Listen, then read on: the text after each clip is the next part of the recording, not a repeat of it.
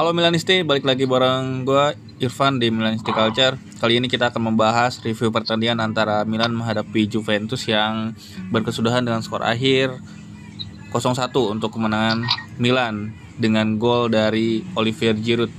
Kali ini kita akan membahas beberapa hal ini dengan Bang Juli dan Bang Adi sekaligus nih karena ada beberapa berita yang cukup seru selain review pertandingan tadi. Halo Bang Adi, halo Bang Juli. Ya, halo Bang Irfan. Ya, gimana pertandingan lawan Juve kita bisa menang dengan tekanan yang cukup besar ya karena kita wajib menang di pertandingan ini sebagai kepastian untuk menempati posisi empat besar nih Jo. Ya, kemenangan yang sangat penting buat buat Milan. Eh, nggak uh, peduli mau dibilang ini giveaway atau apa bagi gue uh, bodo amat. Gue gak peduli. Yang penting Milan lolos ya kan? Uh, ya itu memang udah jadi ya memang udah takdirnya Juventus harus ke kena pengurangan poin karena ulah mereka sendiri. Dan uh, di partai penentuan juga Juventus kalah sama Milan dengan gol tunggal dari Olivier Giroud setidaknya ada secerca harapan buat uh, posisi Pioli juga musim depan ya. Semoga baik-baik aja musim depan nanti. Karena target manajemen juga seperti kita tahu bahwa targetnya itu harus lolos UCL terus. Mau juara kayak mau enggak yang penting lolos UCL gitu karena gengsi juga. Uh, kemenangan kemarin lawan Juventus sangat-sangat uh, berharga buat Milan di saat-saat genting seperti ini memang kemenangan itu adalah syarat mutlak yang harus di, didapatkan oleh AC Milan itu sendiri gitu. uh, manajemen uh, pelatih dan dan dan segala aspek dalam tubuh Milan ya uh, berhak mendapatkan kemenangan ini gitu. seperti itu sih menurut gua walaupun pertandingan kemarin itu enggak mencerminkan dua tim besar yang sedang bertanding loh itu mainnya bener-bener jelek banget coba Bang Adi coba tuh Bang Adi gimana? Iya gue juga ngantuk kan nonton tiduran emang benar jadi kayak aduh pola serangannya nggak jelas. Leo yang kita harap harapin biasanya juga nggak jelas juga mainnya kan. Ble semua gitu Juve juga ble. Eh, walaupun kita nggak harus menang sebenarnya seri aja udah udah lolos kan kemarin itu kan. Hmm tapi tapi kata si tapi kata si Irfan bang bang Andi kata kata bang Irfan katanya segitu di biaya uh, segitu di harga 30 juta gitu. Itu siapa sih nggak gua gua lihat postingan lu tuh nggak nggak mudeng gua. Biasa biasa apa apa sih itu? Bekas pemain Milan apa siapa sih? Bremer Bremer. Oh Bremer. Aduh gua mikir nih siapa sih masa juta. Oh, berapa? Masa iya gue ngomongin Brahim gak mungkin lah dia mah bagus kemarin. Enggak, gue pikir lo ngatain Locatelli atau siapa gitu. Enggak, enggak lah, masa gue ngatain Brahim. Ya lagi juga si Bremer juga kan kemarin pas di Torino juga di sebenarnya pas desas-desus awal-awal uh, Milan uh, apa namanya tertarik sama Bremer juga gue sebenarnya uh, sempat apa namanya kayak uh, excited juga sih karena gue ngeliat kayak Bremer ini masih muda terus juga bisa nih jadi jadi suksesornya Thiago Silva gitu. Ternyata Torino patok harganya tinggi banget kan dan akhirnya Juventus. Dan akhirnya sekarang malah di Juventus juga dia nggak bagus-bagus banget kok. Malah oh. menurut gue di malah malah menurut gue lebih bagus Delik lebih bagus Delik dibanding Bremer mah iyalah. Oh, tapi gue sempet sempet nonton sih emang Bremer sama lihat-lihat highlightnya waktu awal musim kemarin. Eh akhir musim kemarin kan waktu desas-desus itu. Gue lihat sih bagus ya tapi nggak tahu ya ternyata di UV jelek ya. Ma masih better. Delik bang kalau kata gue mah. Delik ya? Iya masih Delik, Delik. tapi Deliknya dijualnya tinggi banget kan 80 iya. ya? 80 kalau nggak salah 80 hmm. kan kalau ngomongin yang 30 juta untuk Brahim menurut lo itu layak apa enggak sih melihat performa dia yang di beberapa pertandingan terakhir ini kayak mengecewakan? relatif kalau menurut gua gitu. Kalau dibandinginnya sama sama CDK mah lebih worth it dong. Aduh, kacau ya. Jadi 30 ini deh, udahlah. Uh, kalau Brahim kayaknya ketinggian 30 deh ya. Soalnya nggak konsisten, kadang bagus, kadang B aja, kadang nggak jelas. Kayak kemarin aja hilang hilang bola mulu, dribble dribble mulu, hilang bola mulu gitu. Jadi 30 itu harusnya kalau Maldini pinter ya, uh, ya bisa dapat pemain yang bisa konsisten lah itu mainnya gitu contohnya contohnya nih kita bahas bahas aja lah yang rempet rempet jurang misalnya kayak uh, kenapa nggak milih si siapa di Dybala gitu kan. Gratis tapi walaupun gaji tinggi ya berapa tahun 30 juga gitu kan habisnya kan. Hmm. kan tinggal ya milihnya aja yang mana yang lo mau pilih nih gitu. Mana yang lebih cocok sama pilihan. Ternyata yang dipilih kan belum cocok bukannya nggak cocok ya gitu nggak jadi kalau gua pribadi sih 30 buat Brahim kayaknya ketinggian dengan seorang pemain yang belum bisa konsisten sepanjang musim gitu nggak hmm. Tapi kan kabarnya itu Asensio akan cabut ya musim ini di Madrid dan katanya lebih dekat ke Aston Villa yang berani memberikan gaji 8 juta per musim untuk Asensio. Dan pihak Madrid sendiri katanya mau menjadikan Brahim sebagai pengganti dari Asensio sebagai cadangannya dari Rodrigo itu musim depan dan Milan sudah uh, mengamankan Kamada nih dari Frankfurt dengan kontrak 5 tahun dan gaji 3 juta per musim. Banyak Milanisti yang bilang katanya ini kalau Brahim gak ditebus dan Kamada lagi-lagi gagal Milan bakalan lebih buruk nih musim depan. Katanya gitu. Gimana Jul menurut lo? Ya. Uh, uh, bahas bahas yang tadi yang masalah berahim 30 juta ya kemarin juga udah bahas Bang Adi kemarin sama Irfan kalau 30 juta nggak nggak layak buat dia. Dia tuh cocoknya 15 sampai 17 juta itu udah udah paling cocok menurut gua. 15 iya, 17 bener. juta untuk untuk harga seorang Dias yang memang mainnya inkonsisten nggak nggak stabil kadang mainnya bagus bagus banget gitu. Karena gue juga udah sempat bilang beberapa kali bahwa Dias ini selalu memang Dias itu kalau dari segi uh, speed bagus tapi memang kalah di body charge gitu. Body charge kalah memang dia kalau misalkan udah ter, uh, dia kalau memang udah kayak uh, kayak suka maksa gitu suka maksa banget ngadu body charge tapi emang ujung-ujungnya kalah. Itu kalau untuk Dias nah kalau untuk Kamada juga untuk masalah Asensio Asensio kan uh, katanya mau dibeli Aston Villa harga 8 apa dengan gaji 8 juta katanya dia kan dan juga uh, dia bakalan balik ke Madrid lagi-lagi jadi backup juga kan di sono kan. Ya memang sih di Milan juga jadi inti.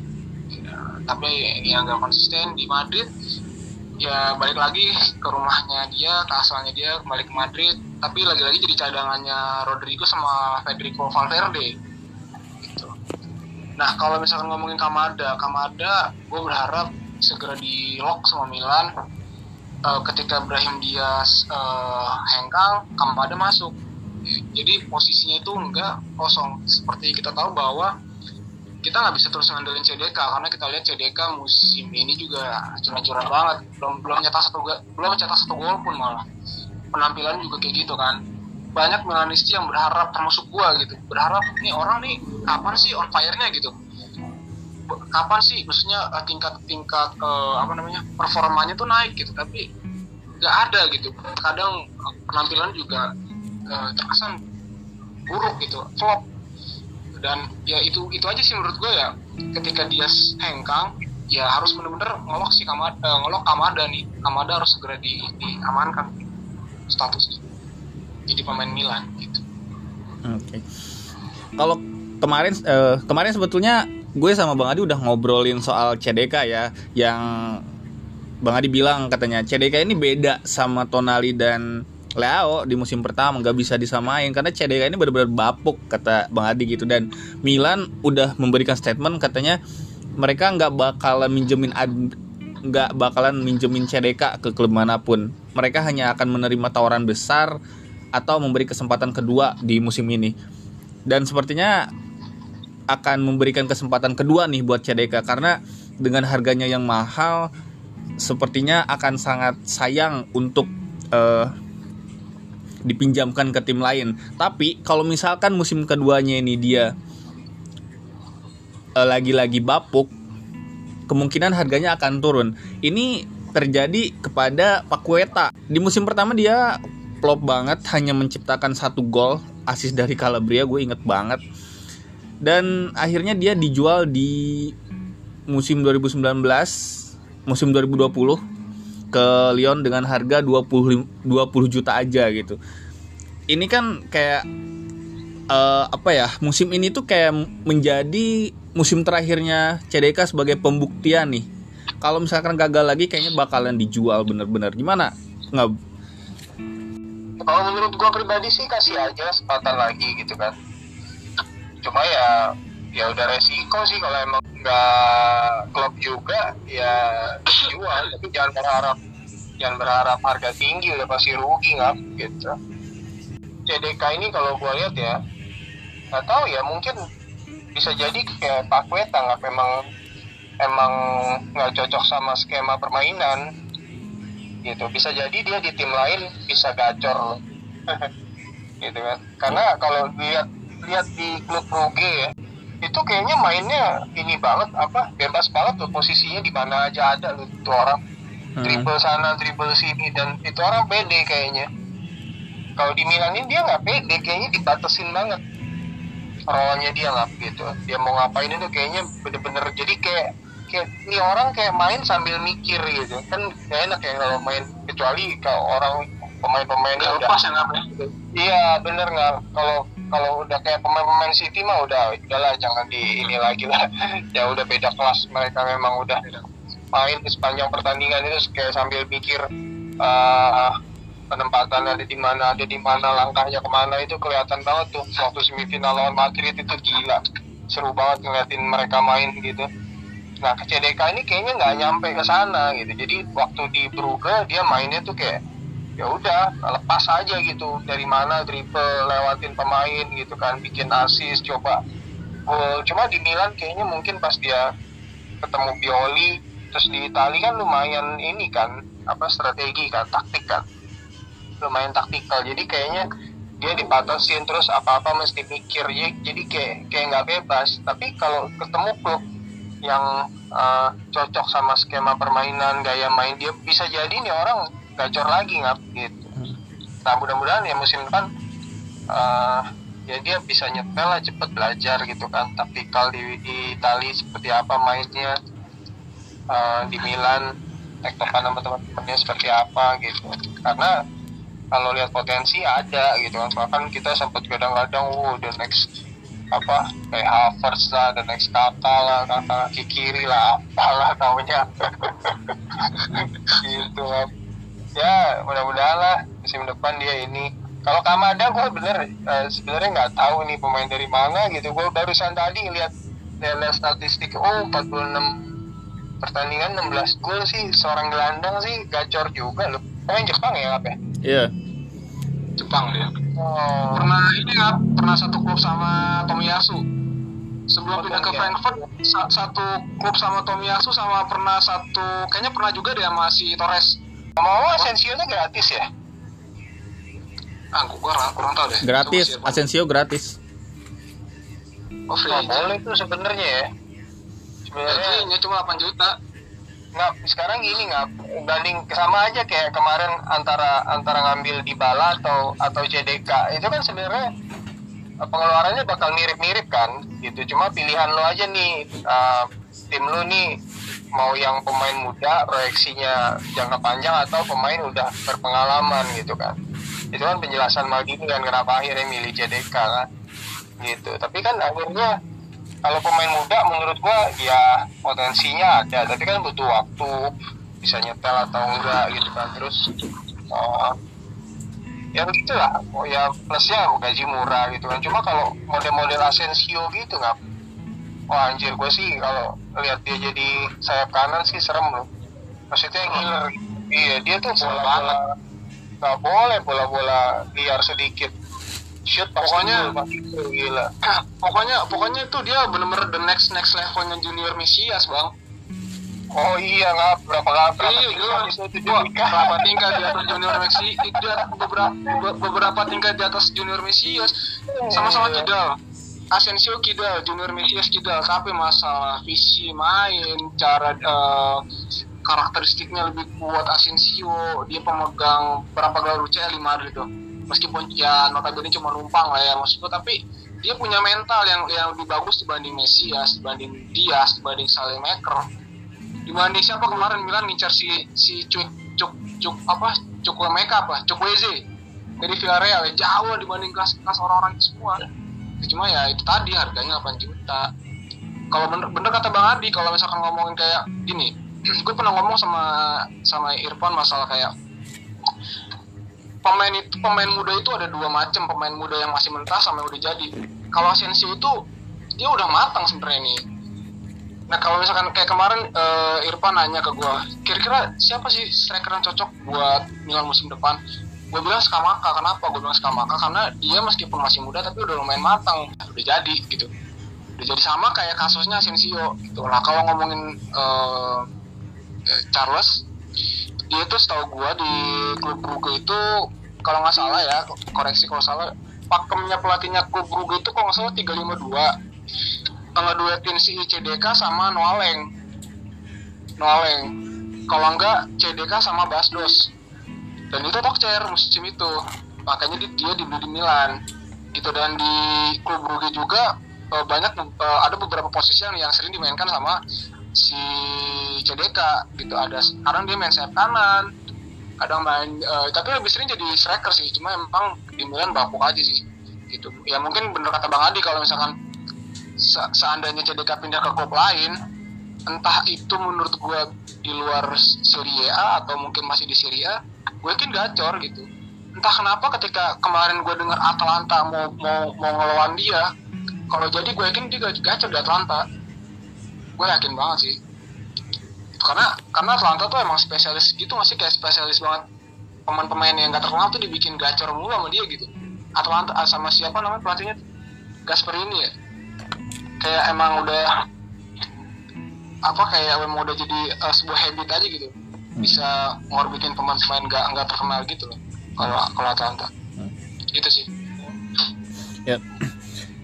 Kalau ngomongin CDK kan sebetulnya dia waktu di Brugge itu bikin 14 gol dan 9 assist kan di musim terakhirnya di liga. Dan Pakueta juga waktu di Flamengo bikin 10 gol dan satu assist sebelum direkrut Milan. Ini kan sebetulnya adalah talenta-talenta yang cukup eh, menarik perhatian klub-klub besar termasuk AC Milan. Makanya Bagus. iya bang Iya, makanya Maldini berani untuk merekrut mereka. Tapi kan masalahnya ketika kita lihat Paqueta di Milan kreatif eh, kreativitasnya tuh nggak terlihat dan ketika dia cabut dari Milan ke Lyon dan sekarang di West Ham dia menjadi pemain penting di sana dan menjadi langganan inti tim nasional Brazil sekarang. Itu kan sebetulnya ada iya iya. ada dicocok nggak cocokannya itu di sistem pelatih dan iya benar. dan gue melihat dan gue melihat gini ada ada benang merah di sini. Paqueta dan CDK itu direkrut Milan di usia yang muda 21 tahun. Kita bisa lihat juga Yasine Adli 21 tahun. Nggak kepake sama Pioli. Brahim Diaz aja digeser dari kanan ke IMF itu dip- dipaksakan banget menurut gue. Dan kita bisa lihat eh Stefano Pioli ini cenderung lebih mengandalkan pemain-pemain depan yang udah mateng. Kita bisa sebut aja Rade Krunic sebagai IMF lebih nyetel bahkan Calhanoglu yang walaupun gue nggak suka tapi harus diakui Calhanoglu ini benar-benar jadi andalan Pioli di masanya gitu. Karena dia udah udah matang gitu. Dan bisa kita lihat di posisi lain ada Selemakers yang gitu-gitu aja lalu ada Lazetic dan Colombo yang kebuang Daniel Daniel Maldini juga kebuang. Jadi menurut gue eh Pioli ini emang kurang mampu untuk eh, mengembangkan potensi pemain depan. Back oke lah dia dia mampu gitu ada Maldini juga. Tapi untuk pemain, pemain depan kayaknya depan pemain depan yang muda. Iya nggak nggak bisa Pioli ini untuk eh, menjadikan pemain muda penyerang itu menjadi naik level tuh menurut gue kurang sih. Cuma Leo doang cuma Leo doang nih yang yang, yang bisa nih. Sisanya tuh pada gagal. Kita masih mengandalkan Ibrahimovic dan Giroud gitu di, di usianya yang di atas 35 sekarang. Makanya ini Kamada yang ada di usia matang 26 semoga bisa menjawab ya bisa. kekurangan dari Stefano Pioli ini. Gimana ngab Iya, kalau kalau eh, apa analisa lu bener nggak? Berarti bener mendingan ambil Asensio aja di kanan, ya kan pemain matang, pemain eh, ya lumayan pemain bintang lah, gitu punya mental, udah sering main di UCL, udah juara UCL juga, gitu. Jangan ambil pemain muda lagi. Eh, dua tiga musim lalu kita gaya investasi kita ke pemain muda ya harusnya kita udah belajar dari kesalahan mulu lah ngap. Gitu. Ya kan? Banyak pemain yang dibeli tapi dibuang gitu aja. Nggak berkembang sama sekali gitu kan. Padahal punya potensi yang mendingan sekalian beli pemain yang udah matang aja. Gitu. Nah kita lihat apa apa bedanya. Menurut gua sih mendingan begitu ya. Ya masalahnya kan eh, kalau dari segi eh tahu sendiri kan eh, Kardin Kardinale kan benar-benar ngebatasin banget nih apa masalah gaji kan dia pengennya pemain yang ya 3 juta gitu kan 3 juta 4 juta. Ah, menurut gua gua gua nggak nggak terlalu berharap banget sih kalau kalau Asensio jangan kan Asensio. Kalau kita ingat beberapa tahun lalu itu Milan itu sempet banget digembar-gemborin mau ngerekrut si Angel Korea dari Atletico Madrid. Tapi mana? Kementoknya eh, gaji sama harga yang tinggi. Udah katanya mau hampir mau hampir tanda tangan. Mana nggak ada? Gua gua gua bener-bener nggak nggak ngarep sama sekali. Kalaupun bener terjadi wah itu gua bikin nasi kuning dah. Korea The Paul ya Iya. dulu ya Iya, Korea. eh, siapa lagi ya? Pokoknya banyak tuh. Oh, ini, ah, ini Florian Florian Taufin. Eh, Florian Taufin Hmm, sekarang di eh, Udinese kan? iya Itu sempat diincar juga. Ah, mana sekarang? Mana? Akhirnya beli- belinya siapa? Junior Mesias dari Crotone. yang sebenarnya itu yang sebenarnya tuh ya sebenarnya tuh sebenarnya kalau dia nggak dibeli Milan sekarang mainnya di Ancona lah. Eh dia golnya banyak loh dibanding Makers tuh itu pemain idolanya Irfan itu hati-hati lu matain dia. Gua paham. Tapi tapi eh, memang kalau kita ya sem- semua Milanisti tahu lah eh, apa tim- betapa timpangnya sayap kanan dan sayap kiri gitu. timpang banget kalau kita tahu. Sa- sayap kiri oke lah sejelek jelek sejelek jeleknya Rebic itu nggak lebih buruk dibanding Mesias menurut gua oh, ya mungkin mungkin kalau untuk sekarang emang Rebic sama kayak Mesias levelnya mah. cuma untuk Iya, beberapa Rebic Rebic bagus nggak kemarin kemarin gue inget banget Iya. Rebic yang head head head ke gawang Torino. Head ke gawang Torino yang menang 7-0 atau 7-1 Milan dan ya memang sekarang lagi underperform aja dan emang Rebic mau dijual. Nah sekarang adalah PR-nya ya Milan eh, cari pengganti Leo eh saya Mesias ah nggak tahu udah tuh dibuang atau di loan terus Dias eh, cabut Kamada masuk harus di lock nah CDK juga nih harus segera dicari solusinya. Kalau Adli kayaknya udah nggak ada kesempatan lagi. Kalau Adli kayaknya harus eh, kayaknya di loan deh. Kalau Adli sih. Itu aja sih Kak, kalau kata gua. Sama ngomong Leo ini belum belum tanda tangan kontrak ya? Katanya minggu ini sih. Katanya apa? Minggu ini. Nunggu kepastian Liga Champion dulu kan oh. Ini dia sengaja kali pan ya? Mundur-mundur pan ya? Sengaja. Kayak itu kasusnya. Sengaja. Kayak sih lagi. Iya kasusnya kayak Casey nih bocah nih atuh nih. Mana mana tolongan sekarang- lagi tau-taunya iya. Sekarang kalau misalkan sekarang kalau misalkan kalau misalkan Leo nggak tanda tangan kita ter malah beli malah panik buying lagi untuk sayap kiri kan? Yang lebih buruknya lagi the worst-nya adalah masih mempertahankan Rebic gitu. Misalkan kayak Leo cabut nih dengan status eh, karena banyak eh, trouble di klub kan. Eh, dia nggak mau eh, perpanjangan kontrak segala macam terus Milan nggak nggak beli nggak beli pemain baru terus masih masih pakai Rebic di sayap kiri. Wah gua nggak tahu deh musim depan kayak apa. Gua nggak tahu dah tapi lo masih jadi ada. fans Milan kan nggak wah gua aduh. Ah, gua nggak tahu dah Iya. Gua sih masih cuma jadi jarang nonton aja kayak zaman zaman zaman zaman tahun dulu. Zaman zaman ini ya zaman zaman yang masih ada apa uh, Carlos Baka ya si Keisuke Honda masih mending Carlos Baka mah gua. Iya. lagi seru-serunya tuh lagi beli pemain banyak kan. Yang sebelum Iya. itu yang Kevin Konstan oke Kevin Taiwo, ini ya kayak Taiwo. Iya, si Baka Baka Traore. Ya kipernya apa kalak kalak ya Ah, enggak bukan kalah. Zaman zaman zaman Bukan itu ya? bukan kalah kiper si Andre Andre Agassi kalau nggak salah. Aduh, Andre Agassi. Diego Lopez. Gua udah Diego Iya, Lopez iya. semusim, semusim kayaknya cuma nonton dua tiga kali deh, sumpah itu. iya kemarin kan Pioli langsung belak-belakan ya. Katanya kalau musim depan mau bersaing di dua kompetisi ya kok skuadnya harus dinaikin katanya gitu. Biasanya kan Pioli sangat menutup uh, kekurangan Milan ya bilang katanya ya kita udah kompetitif kok bla bla bla bla. Kemarin dia langsung to the point katanya kalau misalkan mau bersaing musim depan ya kasih gue squad yang bagus jangan kayak gini gitu kan. Bahkan kemarin kan Rebic aja yang nggak cedera nggak dibawa sama dia karena katanya musim depan udah nggak masuk rencana lagi gitu dan ini menjadi sebuah pembelaan sih bagi gue yang kemarin udah teriak Pioli. Out kayaknya emang deh kayak harus kasih Pioli ini skuad yang agak mumpuni lah. Jangan skuad eh, muda semua gitu. Dan eh, pemain yang udah tua tapi nggak kepake di tim sebelumnya itu kan kayak nggak adil juga buat eh, menilai Pioli gitu. Dan Pioli ini kan seorang pelatih yang udah memenuhi target dari manajemen ya untuk lolos ke Liga Champions secara berturut-turut kan kita bisa hitung secara normal gitu. Eh dan hal ini tuh nggak bisa dilakuin sama Leonardo eh, Allegri gitu bahkan seperti Sidorf atau Izagi yang di Bantar era itu bahkan lolos Liga Champions aja susah gitu.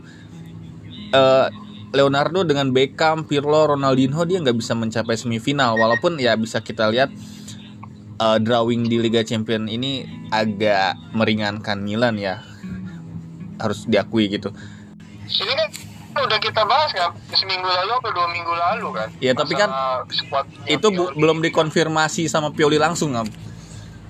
Iya, tapi kita sebagai ma- mata fans awam ini aja yang yang apa yang kita bikin podcast abal-abal begini aja kan, bacot-bacot abal-abal begini aja bener kan kita kan. Maksudnya kita bisa lihat nggak yang tiap tiap hari nonton ngikutin yang ngikutin Milan gitu sepanjang musim itu kan bisa lihat nggak maksudnya. Milan ini kete- keteteran karena skuadnya nggak gemuk gitu. Jadi minggu ini main di Serie A Rabunya harus main di Liga Champion lawannya berat gitu kan. Jadi harus milih. Dan pemain kan pasti fatigue kan capean pasti gitu. Coba pemain yang lapisnya eh, mumpuni juga pasti bisa berbicara banyak. Dan dan apa ya eh, jadinya kita ini masuk semifinal ya. Entah itu sebuah sebuah eh, prestasi atau atau apa ya maksudnya. Eh, jadi jadi menuntut lebih gitu menuntut energi lebih eh, kita nyampe semifinal. Padahal kan kita juga nggak nyangka target kita 16 besar doang ya kan tapi ternyata nyampe semifinal anjir. Jadi di seri A nya keteteran. Dapat giveaway.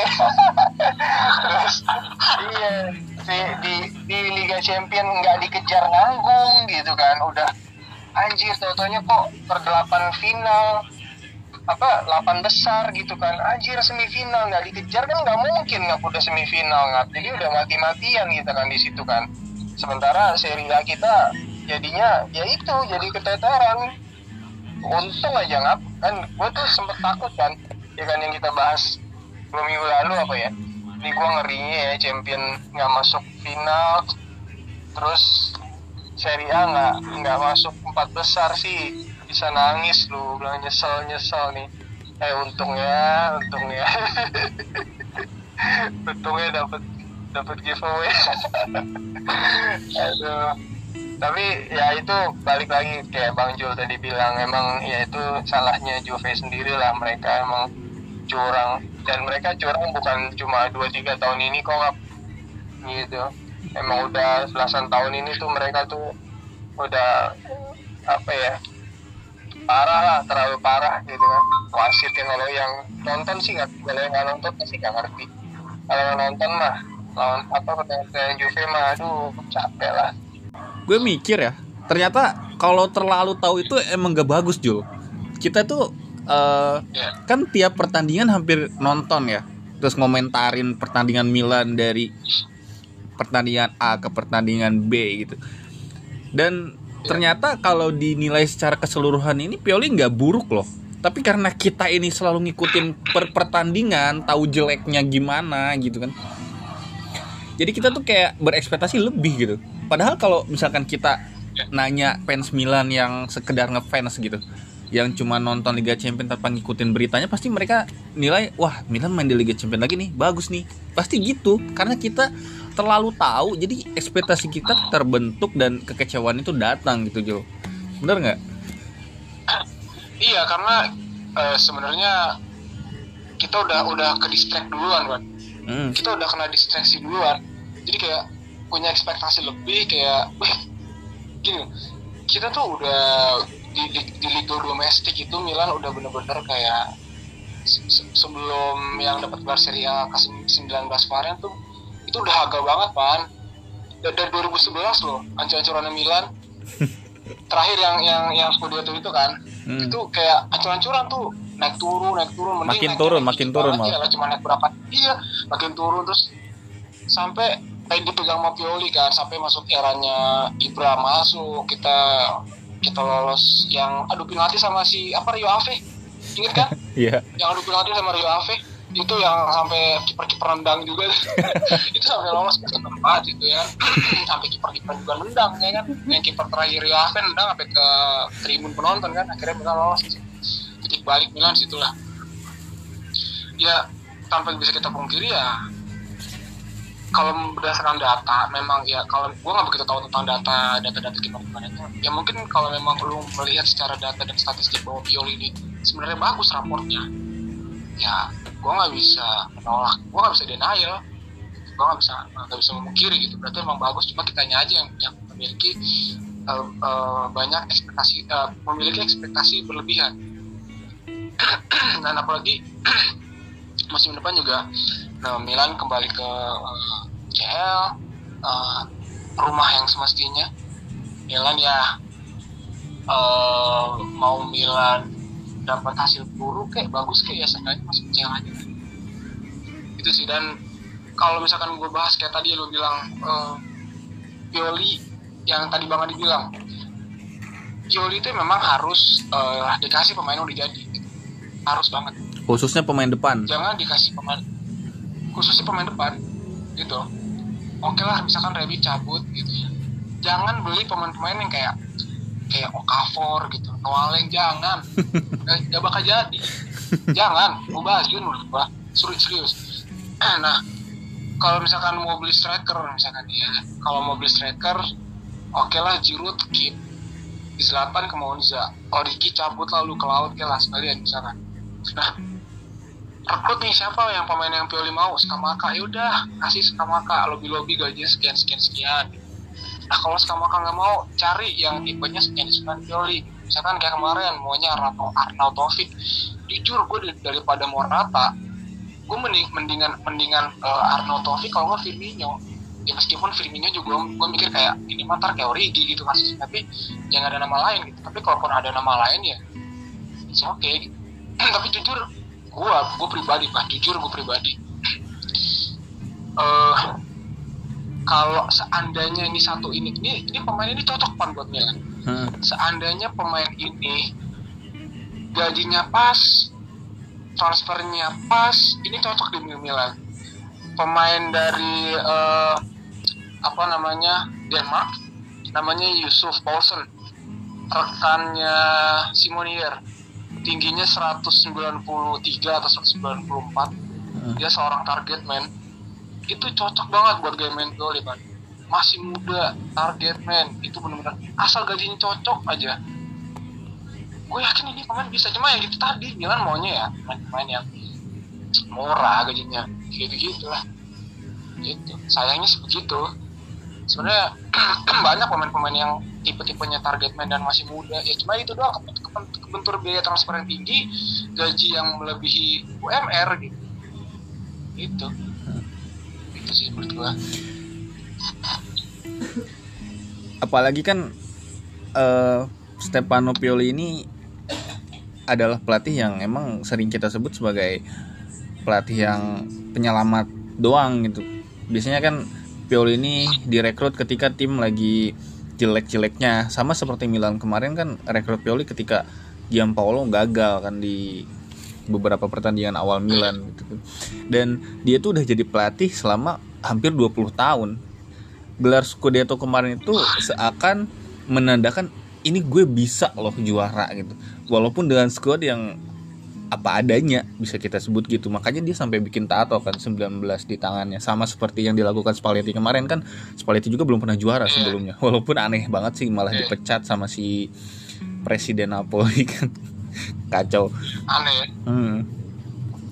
Nah, makanya eh, lolos lagi ke Liga Champion ini ya merupakan sesuatu yang nggak nggak bisa dielakkan kalau Pioli ini emang eh, layak bertahan gitu karena dia udah udah udah apa namanya memenuhi target dari manajemen gitu.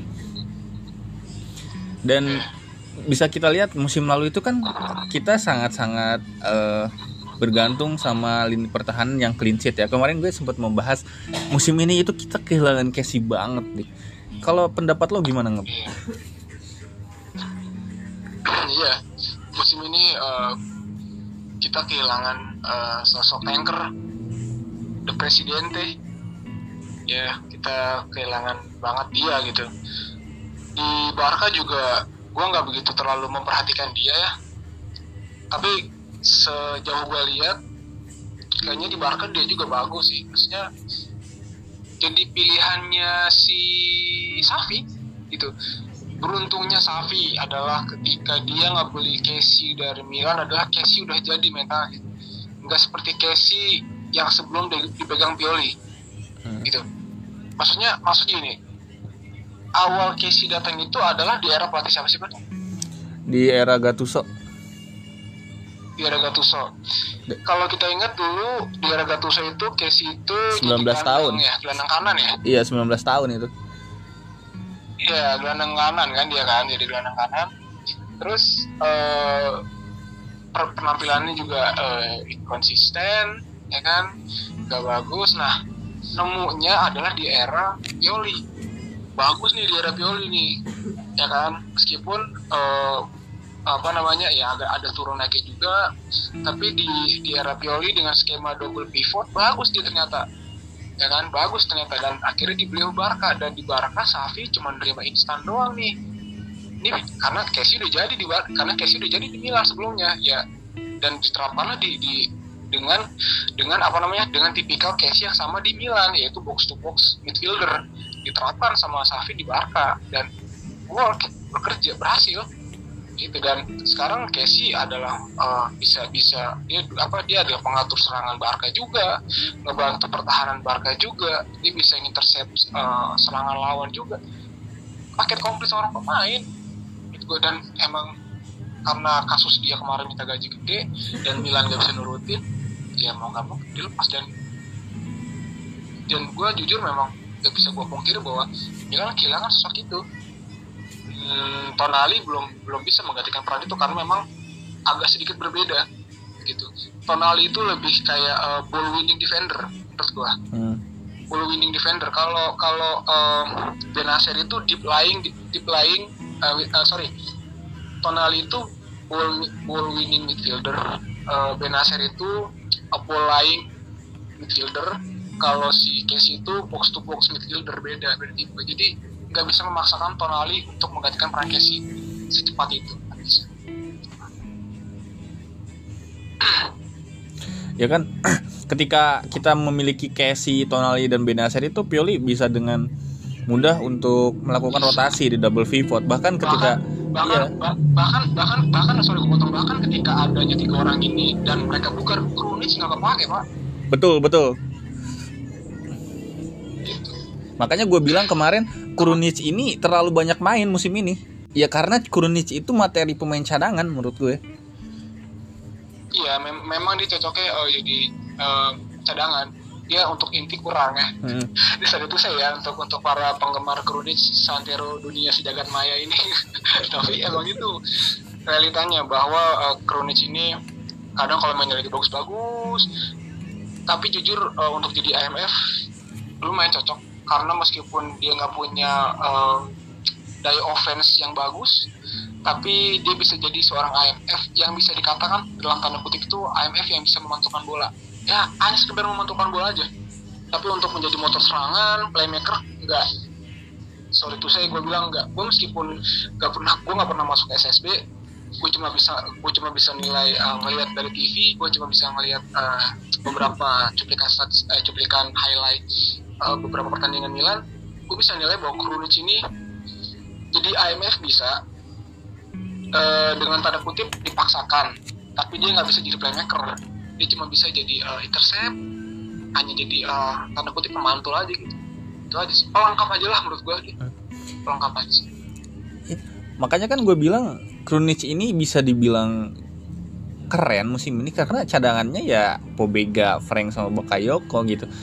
Musim lalu Krunic itu jarang banget main ketika rotasi Casey, Tonali dan Benacer berjalan. Bahkan ketika Brahim Diaz jelek aja dia langsung dicadangin jadi cadangan mati. Setelah derby lawan Inter itu Brahim jadi cadangan mati. Yang jadi IMF itu Casey dan Krunic gantian gitu. Musim ini kan kita nggak ada opsi gitu. Makanya Brahim dipaksakan untuk bermain terus.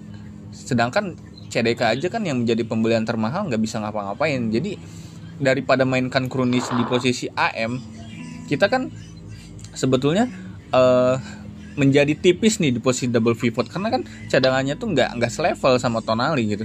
Makanya ketika kemarin uh, Stefano Pioli memaksakan trio terbaiknya itu langsung dimainkan secara bersamaan kan uh, Tonali Krunic pivot dan Benacer didorong ke depan AM itu kan menjadikan kerugian sebetulnya untuk Milan gimana kita melakukan rotasi ketika tiga pemain terbaik itu dimainkan?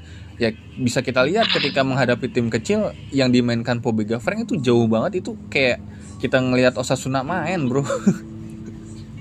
Gini gue masih gue masih bertanya-tanya kenapa uh, Aster ini jarang dimainin. Gue dengar desas desas desus kemarin kenapa Aster nggak dimainin karena harganya biar turun biar Milan bisa nebus tapi gue dengar dengar lagi ternyata Aster ini emang sengaja emang emang katanya nggak ditebus karena permainannya jelek pak gue nggak tahu itu yang bener yang mana. Emang sengaja nggak dimainin biar harganya murah terus ditebus nanti atau memang karena nggak dimainin karena emang jelek nggak nggak sesuai ekspektasi. Tapi menurut gue Aster ini punya punya potensi Aster ini punya potensi masih muda uh, cuma itu tadi kurang kurang kepercayaan aja menurut gue uh, kalau kalau Pobega uh, cadangan sih uh, dia tipe gelandang apa ya? Gue gue gue nggak bisa mendeskripsikan seorang uh, Thomas Pobega ini sebagai pemain bertipikal bertipikal apa gitu. Gue bilang gelandang pengangkut air juga enggak ya? Uh, box to box juga kurang AM lebih lebih ke main uh, IMF juga kurang. Lebih kayak gelandang yang biasa aja sih menurut gue nggak ada tipikal tertentu gitu. Tapi beda dengan Aster. Aster ini menurut gue sebenarnya punya punya potensi cuma ya emang nggak tau lah. Itu Pioli tahu ya. Atau mungkin Pioli nggak berani gameplay karena dia udah terlalu nyaman dengan uh, Ronaldo Benacer Krunic itu sih. Itu menurut gue ya. Menurut gue gini sih kenapa Aster yang jarang dimainkan daripada Pobega karena Pobega ini homegrown bro menurut gue. Jadi uh, Milan itu emang sangat sangat butuh banget pemain homegrown dan Pobega ini terus-terus dikasih kesempatan ya kita nggak punya opsi lain. Sedangkan Aster Frank itu kan pemain asing ya. Dan kita itu nggak punya waktu banyak untuk pemain muda kayaknya untuk sekarang.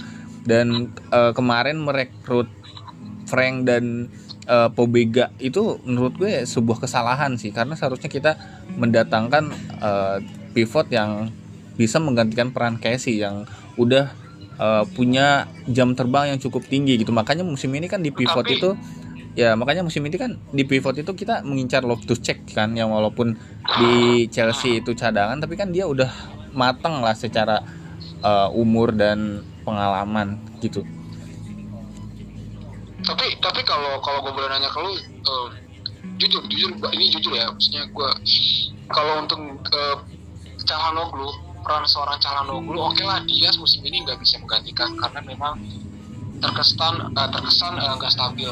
Tapi banyak tipe pemain yang bisa ngeganti Calhanoglu sebenarnya. Dan levelnya Banyak. bisa di atas Dias kayak Kamada ya mungkin bisa. Kan terus Isco bisa kalau gajinya lebih murah. Kalau gajinya lebih murah eh, biaya transfernya lebih murah Isco bisa. Bahkan levelnya di atas. Di atas Hakan Wah, yang susah ini Casey Pan. Nah, kalau menurut lu siapa Pan Eh, yang kira-kira cocok ngegantiin Frank? Yang benar-benar masih masuk gua eh, mendekati gitu. Tipenya tuh sangat identik dengan eh, gaya mainnya Casey itu siapa Pan? Amrabat eh, ini ya eh, Aljazair ya. iya yang botak-botak itu eh Maroko dia Buat kemarin apa? kan masuk semifinal Piala ya? Dunia kan Amrabat. Amrabat ya. Tapi eh, kalau gue sih untuk untuk posisi itu gue gue kalau posisi Casey itu nggak ada gambaran sih karena menurut gue kayak Casey ini tuh kayak nggak terganti aja gitu posisinya karena badannya gede gitu. Dia bisa kan maju eh, bisa bantu serangan bisa bertahan juga. Dan memang sosok ini yang susah yang dicari ini kan. Yang box to box gitu. Susah. Kalau masalah love to stick mah ya elah lu lihat aja fans-fansnya pada udah lepas aja love to stick gitu udah say goodbye gitu. Pada seneng love to stick cabut ya emang ya emang love to ya emang si uh, love to stick ini emang pemain apa sih? Ya lah pemain lapis ketiga apa lapis keduanya Chelsea kok orang di sama di Chelsea aja nggak pernah nggak pernah main reguler mau itu di era Tuchel mau di era siapa mau di eranya si siapa? Uh, Conte juga. Nggak pernah dipakai pemain ini. Pan Hmm. bener-bener pemain yang dipinjam dipinjam pinjam sono sini. Hmm. gitu nah kemarin juga Milan uh, gue dengar dengar incer si ini Yuri Tillemans Iya. dari Leicester City kan. Hmm. karena kan Leicester juga uh, degradasi kan. Nah ini Hmm. kesempatan emas nih. Kenapa Milan gak gerak cepat buat uh, apa si si apa si Tillemans ini nih? Belgia ya? Apa gitu? Iya Belgia. Dia dia tuh gaya mainnya tuh eh, gelandang gitu kayak gelandang dia bisa maju mundur maju mundur gitu. Kayak gitu. Mungkin ya, mungkin dia tipenya box to box ya gitu. Bagus loh dia Yuri Tillemans kalau untuk apalagi kan Leicester mau degradasi. Kalau untuk kalau lu lu setuju gak kalau dia one season wonder? Enggak lah musim depan gue yakin dia masih wah, apa masih bagus kok gue yakin. Masih bagus. Itu, itu anak eh, punya eh, apa visi main yang bagus. Eh, apa namanya eh, bisa berkembang lagi menurut gue kalau lu bisa, menurut gue yang stuck justru kayak kayak Calabria sih. Menurut gue kalau bisa kalau lu kalau emang udah nggak mampu jadi back tengah geser aja di back kanan. Calabrianya udah. Buang ke mana kek? Udah kalau lu aja di bek kanan gitu. Bek tengahnya Cio sama Cio sama apa? Omori kan. Cadangannya taruhlah Gambia atau sama Kier gitu kan. Hmm. Udah kalau lu jadi bek aja gitu. Nah cadangannya nggak tahu udah tuh Florenzi juga ya Florenzi ini menurut gua apa ya kayak udah sekalinya cedera panjang gitu. Ini juga agak riskan juga buat seorang pemain yang udah lumayan di usianya yang udah udah 30 ya. Menurut gue Milan juga harus cari eh, seorang back pengganti uh, Calabria nanti di cadangan buat Calabria gitu tapi lucunya yang dipanggil timnas Italia malah Florenzi daripada Calabria. Ya karena eh, pelatihnya si apa Italia sih? Mancini. Hmm. Mancini kayaknya lebih tahu nih kayaknya pelat pemain ah, mentok nih ya kan. Pemain mentok ini udah gue panggil Flore- Florenzi aja lah lu mah lu mah kap, lu mah kapten titipan lu mah ya kan? Kata kata Mancini gitu lah lu mah kapten titipan nih mah mendingan gue manggil kapten asli ya kan? Kan Florenzi juga sempat jadi kapten kan di Roma kan? Hmm. makanya mendingan dengan mendingan gue manggil kapten asli kan? Kapten ori dibanding gue manggil kapten KW gitu gitu lah. Ya kan Florenzi kan pangeran Roma setelah De Rossi sebetulnya. Cuma dia malah sering dipinjamkan ke mana-mana kan ke Valencia ke PSG gitu sebelum dia ke Milan. Makanya kan Tapi dia ya tapi makanya justru dia ketika di PSG apa? panen gelar kan iyalah. Di PSG jadi panen gelar dia. Iya. Iyalah. justru di PSG itu jadi eh, RWF dia di PSG Hmm. jadi pengumpan dia di PSG tuh. Gua gua gua meskipun nggak nggak nggak main PSG tapi gua tahu karena gua kan sering main PS nih gua sering main PS gue liat Florenzi itu sering dipasang jadi RWF dan karena memang dia punya kecepatan kan di masa emasnya ketika dia masih main di PSG maksudnya di prime eranya dia ketika dia masih main di PSG itu dia punya kecepatan umpannya juga bagus kucikan juga ada bisa rusuk juga gitu. Makanya dimanjain banget ya uh, striker striker di era itu. Gitu.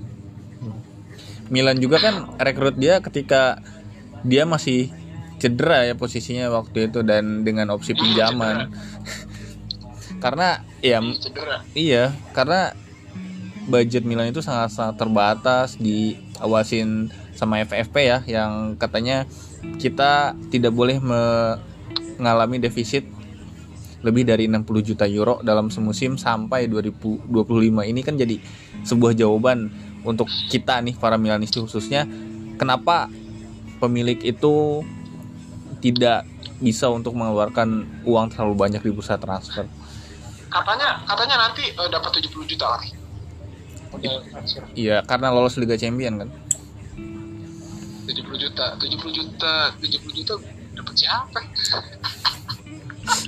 Gua gua kayak kemarin eh gua juga dengar kemarin katanya Milan incer eh, strikernya match ya? Miko, Miko siapa? Pemain eh, Georgia Iya, 32. satu negaranya masih iya eh, satu negara sama si Kvaratskhelia kan? Siapa sih namanya gua? Miko Susah lupanya lah. Hah? Susah namanya. dia Mikao Tadze atau siapa ya pokoknya dikicer itu. Tapi eh, menurut gua nggak bakal bisa sih. Emang Milan harus di, harus cari nih. Gini kayaknya strategi Milan musim ini untuk di, di bursa transfer kayaknya nggak beda jauh sama musim lalu. Cari pemain yang free agent gajinya murah itu doang. Mungkin juga kayaknya kayaknya bisa jadi Firmino dibeli tuh. Firmino kayaknya dibeli banyak. Terus kalau misalkan saya kanan Gratis kan dia? kiri untuk untuk backup ya. Iya. Untuk sayap kiri nih gue ini ini ini ini, eh, ini gambaran gue aja ya. Eh, kalau ngelihat dari secara eh, realistis aja nih ngelihat dari bursa transfer Milan eh, apa namanya eh, taktik Milan di bursa transfer musim lalu adalah incar pemain yang free agent sama gaji murah gitu gaji UMR Milan. Ya paling Firmino gitu terus misalkan Rebic cabut nih Rebic Rebic cabut misalkan. Nanti bakalan nyari backup Leo itu yang bener-bener kayak nggak tau entah bisa jadi pemain atah berantah model kayak Salemakers Mesias gitu. Terus sayap kanannya misalkan taruhlah misalkan eh, Mesias cabut gitu. Ya nanti penggantinya nggak jauh lagi nggak jauh levelnya sama Mesias pasti. Gitu. Terus kalau misalkan kayak nah kalau misalkan kiper nih kan eh, Mirante sama Tata cabut nih katanya Sportiolo udah udah resmi kan Udah. berarti kiper untuk musim depan adalah eh, Maignan, Sportiolo sama Davis gitu Iya. nah, tiga itu ya untuk gelandang berarti Bakayoko cabut cabut kan dia kan Iya. Frank cabut. berarti stop berarti Frank cabut berarti sisa gelandang yang yang yang posisinya aman adalah Krunic, Benacer, Tonali itu doang udah Benacer eh Krunic, Pobega, Tonali. Benacer kan cedera ya setengah musim. Ah, ah, ah. oh, sorry Pobega, Krunic, Tonali, Udah itu doang. Benacer Iya maksudnya nggak nggak apa-apa gue itu meskipun cedera Oh, iya, iya, maksudnya iya. posisi mereka aman lah ya Oh iya iya. nggak dijual gitu uh, Adli lawan Frank cap Fra- Frank juga uh, balik ke klubnya juga Bakayoko cukup Bakayoko juga balik berarti cuma ada empat gelandang ya. Satu gelandang cedera tiga. Ya Allah ya Rob. Tiga gelandang buat ngarukin. Berapa kompetisi sih total? Tiga. dua ya? Eh tiga ya? Tiga. Harusnya Tiga, empat. tiga, ya parah loh sumpah asli. Gue mikir kayak "Ih, anjir gue jadi pioli puyeng gue tiga gelandang buat tiga cuma tiga gelandang buat tiga kompetisi. Udah gitu akademi juga nggak bisa diandelin lagi pak Nggak bisa. ya kan nggak bisa. Maksudnya eh, ya ini bukan ini kita, bukan bicara lama sih ya. Tapi ini kita bicara akademi Milan yang kayak liganya aja terseok-seok liganya aja Milan Milan akademi aja kita tahu posisinya berapa itu. Ancur-ancuran gue ya Allah ya. gue mau ngeliatnya udah miris banget gue ngeliat, ngeliat akademinya Milan. Ya tau lah Menurut lo dengan eh, tersisa satu pertandingan lagi kan lawan Verona yang secara poin itu nggak terlalu penting ya karena kita udah memastikan lolos di semifinal uh, di Liga Champions musim depan. Penting nggak menurut lo untuk masih uh, ada kemungkinan untuk finish di atas Inter di peringkat ketiga dengan syarat Inter harus kalah dari Torino dan Milan harus menang atas Verona penting nggak untuk menang dan menurunkan skuad terbaik di pekan terakhir besok bagi gue sih penting nggak tahu bagi Pioli bagi gue sih penting buat nyalip Inter tapi gue nggak tahu kalau Pioli ya gue nggak tahu kalau Pioli ya gitu. menurutku penting gitu. tapi memang uh, untuk uh, melawan Hellas Verona nanti ya kalau bisa mah dicampur sama cadangan cadangan gitu ya. Kalau bisa mah gitu. Ya seenggaknya menang lah jangan bener-bener lu ngalah banget sama Hellas gitu. Gue gak tau Hellas ada siapa sih. Siapa sih Hellas pemain-pemainnya gue gak tahu dah. Gue juga gak tahu. Gak tahu gue pemain-pemain Hellas itu siapa sih. Gak nggak nggak nggak kenal gue pemain-pemain Hellas tuh. Pokoknya ya gue berharap bisa bisa menang lah nanti lawan Hellas ya seenggaknya Inter kalah lawan Torino. Ya gue yakin ya nggak mudah sih nggak mudah sih Torino bisa ngalahin Inter ya. apalagi Inter sekarang uh, lagi PD-PD-nya lagi uh, apa ya lagi top perform banget mereka. Apalagi mereka lagi mau final CL ya mereka lagi bagus-bagus ya. Itu sih